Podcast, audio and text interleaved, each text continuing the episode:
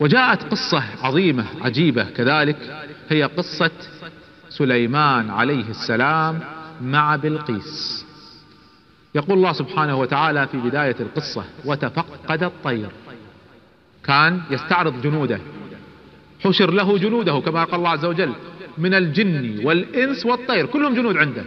تفقد الطير قال ما لي لا أرى الهدهد. أم كان من الغائبين أين الهدهد؟ غائب. لأعذبنه عذابا شديدا. كيف لا يأتي؟ جاء وقت التحرك وهو ما أتى أم آه، لأعذبنه عذابا شديدا أو لأذبحنه أو ليأتيني بسلطان مبين. سأذبحه أو أعذبه أو يأتيني بعذر قوي. فجاء الهدهد فوقف على مسافة غير بعيدة من سليمان عليه السلام وقال فمكث غير بعيد. وقال فقال أحطت بما لم تحط به وجئتك من سبأ بنبأ يقين. وانظروا إلى خطاب هذا الهدهد وكيف يتكلم مع أعظم ملوك الأرض في ذلك الزمان. خطاب ليس فيه ذل وليس فيه خوف. ليس كما فعل الملوك اليوم الواحد ما يتكلم إلا يكون ذليل. لا أحطت بما لم تحط به. أنا أعلم منك في قضية. وجئتك من سبأ. سبأ مدينة في اليمن. جئتك من سبأ بنبأ يقين. إني وجدت امرأة بلقيس تملكهم. كانت تحكم كل اليمن. وأوتيت من كل شيء. أعطاها الله سبحانه وتعالى قوة وملك عظيم جدا. سخر لها أشياء هائلة. ولها عرش عظيم. عرش السرير الذي تجلس عليه للحكم. عرش عظيم كبير جدا ضخم. ومرصع بالجواهر واللآلئ وجدتها وقومها يسجدون للشمس من دون الله. يعبدون الشمس. وزين لهم الشيطان أعمالهم أضلهم الشيطان. فصدهم عن السبيل فهم لا يهتدون. ألا يسجدوا لله الذي يخرج الخبأ في السماوات والأرض ويعلم ما يخفون ما تخفون وما تعلنون.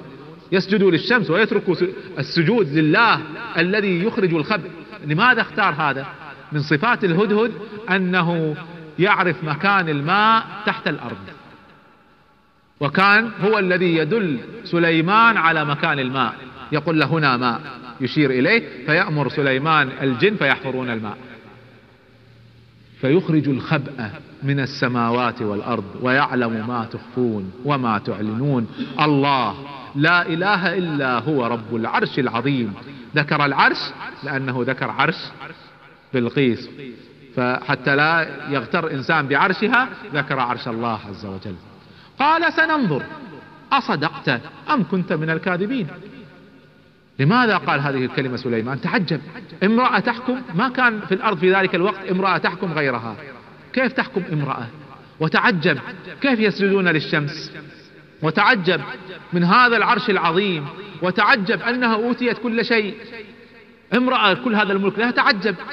فما قال أنت كاذب ولا قال له أنت صادق قال سننظر. وهذا فيه العدل والحكمة.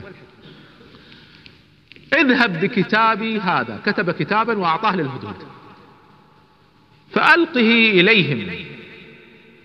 ارمي الكتاب عليها. ثم تول عنهم فانظر ماذا يرجعون.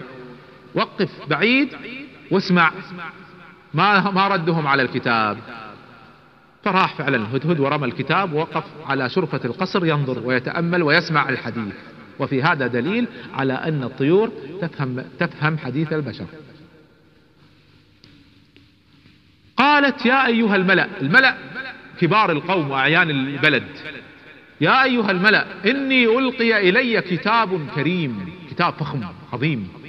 إنه من سليمان. وإنه بسم الله الرحمن الرحيم. ألا تعلوا علي. يعني كونوا تحتي. اخضعوا لحكمي. لا تعلوا علي تحتي سيروا يعني اخضعوا لحكمي. وأتوني مسلمين. يعني اتبعوني. اخضعوا لملكي وآمنوا بالإسلام. أسلموا لله. قالت يا أيها الملأ أفتوني في أمري. ما رأيكم؟ تشاورهم. وكانت عاقلة تشاور. ما كنت قاطعة امرا حتى تشهدون. ما أحكم بأمر ولا أصدر أوامر حتى تشهدون. تكونون حاضرين وتشاركوني. قالوا نحن أولو قوة وأولو بأس شديد. إحنا أصحاب قوة ما أحد يقف أمامنا وعندنا بأس شديد عندنا السلاح الكثير والأمر إليك. أي شورى هذه؟ كانوا ضعاف العقول أقوياء الأجسام وكانت هي العاقلة بينهم ولذلك حكمتهم. والأمر إليك فانظري ماذا تأمرين؟ فهي التي أعطت الرأي السليم. قالت إن الملوك إذا دخلوا قرية أفسدوها. ملك لما يدخل يحتل بلد يحطم البلد ويفسدها. وجعلوا أعزة أهلها أذلة. من من أعزت سبأ تقصد نفسها. تقصد نفسها تخشى من الذل لو سيطر عليها. وكذلك يفعلون. وإني سأختبره.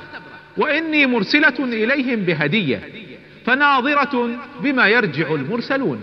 سأرسل هدية عظيمة. وسأتأمل ماذا يفعل بالهدية وما تأتي به الأخبار مع المرسلين هؤلاء.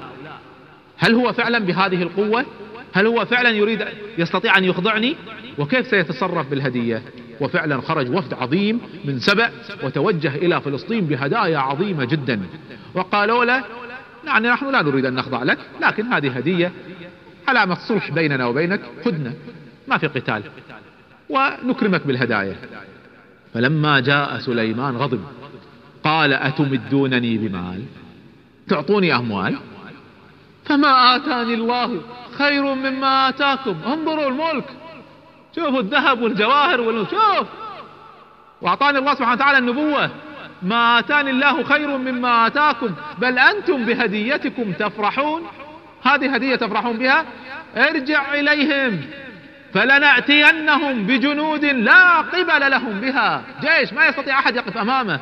ولنخرجنهم منها ذلة وهم صاغرون. سنسيطر على ملكهم ويذلون لي. إلا إذا استسلموا بدون قتال. رجع الرسل أخبروها بالخبر أخبروا قومها بالخبر قالوا ما لكم أمل ما في فائدة سلموا.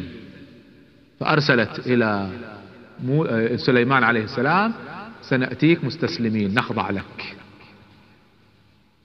فقال وهو ينتظرها تأتي قال يا أيها الملأ يكلم أعيان الناس الذين عنده والجن الذين عنده. أيكم يأتيني بعرشها؟ من يأتيني بعرشها العظيم هذا الذي في سبأ؟ قبل أن يأتوني مسلمين قبل أن تأتي هي والوفد الذي معها من يستطيع أن يأتيني بالعرش؟ قال عفريت من الجن أنا آتيك به قبل أن تقوم من, مك من, من مقامك. أنا آتيك به قبل أن تقوم من مقامك. قبل ما ينتهي المجلس كان يجلس من الظهر من الفجر إلى الظهر. قبل ما ينتهي المجلس يكون العرش عندك. واني عليه لقوي أمين. قوي أستطيع أحمله وأمين. ما أمس الجواهر التي فيه. قال الذي عنده علم من الكتاب. اختلفوا من هذا الذي عنده علم من الكتاب؟ قيل أحد كبار علماء بني إسرائيل آتاه الله سبحانه وتعالى علم اسم الله الأعظم. الذي إذا دعي به أجاب. هذه رواية. والرواية الأخرى أن ال الذي عنده علم من الكتاب هو جبريل عليه السلام. لكن الرواية الأولى أرجح أنه أحد علماء بني إسرائيل.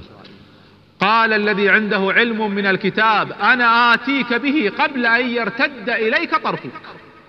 قبل ما تنظر إلى آخر الأرض وترجع يكون عندك. نظر سليمان إلى آخر الأرض ورجع نظره رفع نظره وإلى العرش أمامه. فلما رآه مستقرا عنده قال هذا من فضل ربي. أي, أي عظمة هذه أي قدرة هذه أن يكون عنده من جنوده من يفعل له ذلك.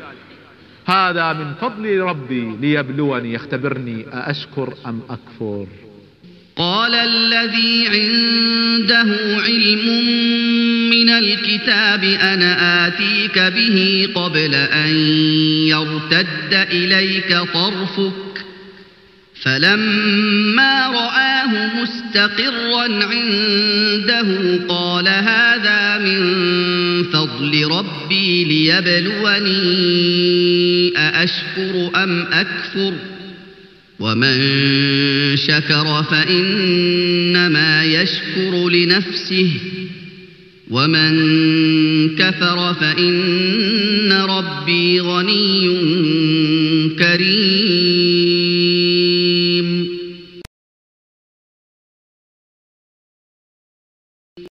ثم أمر بأمر. قال نكروا لها عرشها غيروا العرش. فجاءوا وأخذوا جواهر من هنا وضعوها هنا أخذوا جواهر من هنا و... نفس العرش لكن غيروا أماكن الجواهر التي فيه. نكروا لها عرشها غيروا العرش. لننظر أتهتدي ننظر أتهتدي أم تكون من الذين لا يهتدون؟ فلما جاءت وصلت ودخلت عليه وبدأ يتكلم معها أراها العرش وهي متعجبة العرش مثل عرشه. فلما جاءت قيل أهكذا عرشك؟ شوفوا ما قالوا لها أهذا عرشك؟ قال هكذا عرشك؟ فكان جوابها أعلم وأحكم. ما قالت نعم. مو معقول العرش تركته وراءها كيف جاء؟ ولا قالت لا لأنها فعلا مثل عرشها لكن عرشها يختلف قليلا. فقالت كلمة عجيبة قالت كأنه هو. يعني تحتمل أنه هو وتحتمل أنه ما هو وتحتمل الشبه.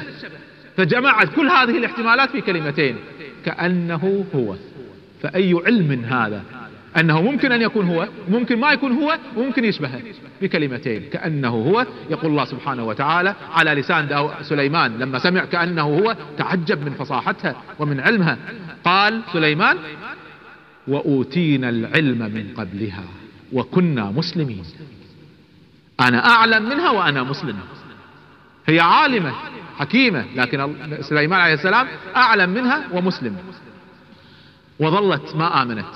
خضعت لسليمان عليه السلام لكنها ظلت على الكفر. وصدها ما كانت تعبد من دون الله. إنها كانت من قوم كافرين. فأراد سليمان أن يريها شيئا ليس من صنع البشر. فجاءها قال تعالي معي فأخرجها إلى صرح. الصرح قصر. قصر من زجاج. كل القصر من زجاج. وهذا الصرح الذي من زجاج الأرض مالته من زجاج ناعم جدا. لا يكاد يبان ولا يعكس النور. وجعل تحت هذا تحت هذا الزجاج الناعم العجيب جعل تحته الماء يجري. فدخلت القصر وإذ بحيرة ماء. قال لها ادخلي. قالت ماء. قال ادخلي. فرفعت ثوبها ودخلت. تريد أن تخوض في الماء. فداست وإلا زجاج. فتعجبت. إيش هذا؟ شيء ليس من صنع بشر. صنعه له الجن. قيل لها ادخلي الصرح. ادخلي القصر هذا الذي من زجاج. فلما رأته حسبته لجة حسبته بحر. وكشفت عن ساقيها. فلما داست وعرفت أنه زجاج قال لها إنه صرح ممرد من قوارير. مصنوع صناعة دقيقة من زجاج قوارير الزجاج. فلما رأت هذا عرفت أن هذا ليس بملك وإنما نبي من عند الله رب العالمين فآمنت. قالت رب إني ظلمت نفسي وأسلمت مع سليمان لله رب العالمين. فأسلمت بلقيس وفي روايات كثيرة أنه تزوجها سليمان عليه السلام. من أعظم أفعال سليمان عليه السلام أنه بنى أو جدد بناء المسجد الأقصى. الذي بنى المسجد الأقصى يعقوب عليه السلام. جاء في الحديث الصحيح أن النبي صلى الله عليه وسلم سئل أي مسجد وضع أولا في الأرض؟ قال المسجد الحرام. وضعه من؟ بناه إبراهيم عليه السلام. قال ثم أي؟ بعده. ماذا؟ قال المسجد الأقصى. بناه يعقوب. وبينهما أربعين سنة. قال كم بينهما؟ قال أربعين سنة. فلما بخت نصر سيطر على على القدس دمر المسجد الأقصى.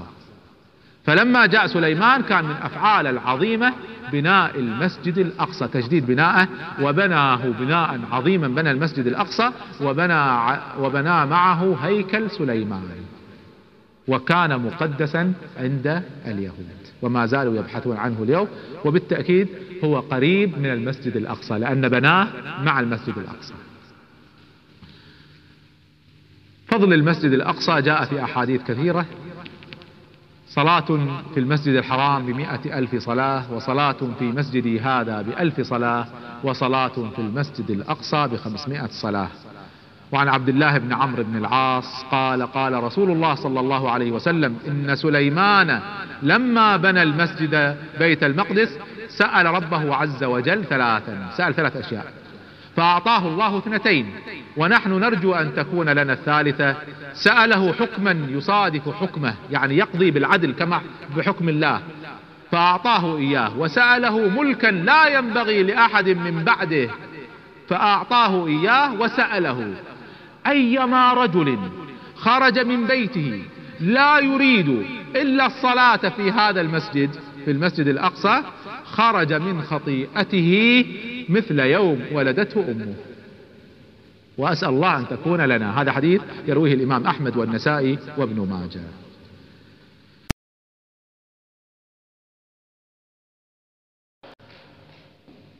ومرت الأيام على بني إسرائيل في فلسطين وانحرفوا كثيرا عن منهج الله عز وجل وأراد الله سبحانه وتعالى أن يجدد لهم دينهم وكانوا قد فقدوا التوراة. ونسوا كثير من آيات التوراة. فأراد الله سبحانه وتعالى أن يجدد لهم دينهم فبعث الله تعالى عليهم عزيرا. عزير نبي كريم من أنبياء الله عز وجل. أمره الله سبحانه وتعالى أن يذهب إلى قرية. فذهب إليها فوجدها خراب قرية خربان ما فيها شيء ميتة ما فيها بشر. وهو مرسل إليهم. يرسل إلى بلد خرب فتعجب. كيف أرسل إلى بلد ليس فيه شيء؟ وتعجب. وقف ينظر إلى هذه القرية. ينتظر أن يحييها الله عز وجل. أن يحيي هذه الله بعد موتها. كيف؟ ينتظر كيف سيحييها الله وهو, وهو واقف. لأنه مبعوث إليها. فسؤاله سؤال تعجب وليس سؤال اعتراض. كيف سيحيي الله هذه بعد موتها؟ كيف سيحييها في حياتي فأماته الله. مئة عام. يقول الله سبحانه وتعالى أو كالذي مر على قرية وهي خاوية على عروشها. ما فيها شيء. ما فيها بشر ما فيها حياة. قال أنا يحيي هذه الله بعد موتها. كيف سيحييها الله سبحانه وتعالى بعد موتها؟ فأماته الله مئة عام ثم بعثه. قال كم لبثت؟ هو هو كان قد نام وقبضه قبض قبضت روحه وهو نائم. حتى في وصف له أنه نام وأسند رجلاه أسند رجليه على حائط. واستيقظ وهو على هذا الحال. نام في الصباح استيقظ في العصر. قال كم لبثت؟ جاءه الملك في صورة بشر. كم لبثت؟ كم صار لك على هذا الحال؟ قال لبثت يوما أو بعض يوم يعني بالكثير يوم. أنا أمس نمت ممكن اليوم نايم الصبح اليوم الآن استيقظت. قال بل لبثت مئة عام. فانظر إلى إعجاز الله عز وجل. الطعام والشراب الذي معه كما هو لم يتغير. مئة سنة لم يتغير الطعام والشراب. فانظر إلى طعامك وشرابك لم يتسنه لم ينتن وانظر إلى حمارك. وين الحمار اللي كان معاك؟ ولا الحمار ميت؟ والأغراض اللي عليه في الأرض؟ والحمار جلد؟ وعظم؟ راح الحمار. تعجب. أمس تركه. اليوم تركه. كيف صار هكذا؟ ولنجعلك آية للناس. وانظر إلى العظام. وهو ينظر وإذ بعظام الحمار تتحرك أمام عينه فتتجمع فتتشكل بشكل حمار. وانظر إلى العظام كيف ننشزها؟ وقفت العظام ثم بدأ اللحم يكسوها. العصب بدأ والعروق وهو ينظر. ثم ظهر اللحم ثم ظهر الجلد ثم ظهر الشعر فتشكل حمار أمام عينه. وانظر إلى العظام كيف كيف ننشزها ثم نكسوها لحما. فلما تبين له قال أعلم أن الله على كل شيء قدير. سبحان. أي إعجاز هذا. ورأى وإذ بالقرية قد عمرت. فسألهم هل تعرفون عزيرا؟ قالوا نعم. مات من أكثر من مئة سنة فقدناه من أكثر من مئة سنة. قال أنا عزير. طبعا أنكروا عليه. فظلوا يدققون معه مئة سنة. فجاءوا بعجوز معمرة عمرها أكثر من 120 سنة ويقولون كانت أمه. فبدأوا يسألونها عن علامات عزير فوصفتها لهم فنظروا في العلامات فإذا هو فصدقوا فأخذ يعلمهم التوراة ويجددها لهم. كانوا قد نسوها وضيعوها فبدأ يجدد لهم التوراة وكان يحفظها. فبدأ الناس يقبلون عليه وعلى هذا الدين من جديد وأحيا لهم الدين من جديد وعظموه وقدسوه للإعجاز الذي ظهر فيه حتى وصل تقديسهم له وصل تقديسهم له أن قالوا عنه أنه ابن الله. وقالت اليهود عزير ابن الله. فالله سبحانه وتعالى عاقبهم بذلك. وظل الانحراف في اليهود يقدسون عزيرا ويعتبرونه من السلالة المقدسة كما يقولون ابن الله عز وجل. وظل هذا فيهم إلى اليوم. إلى اليوم. وهم يقولون أن عزير يسمونه ديفاين مقدس ابن الله من الآلهة. وهذا من شركهم. لعنهم الله.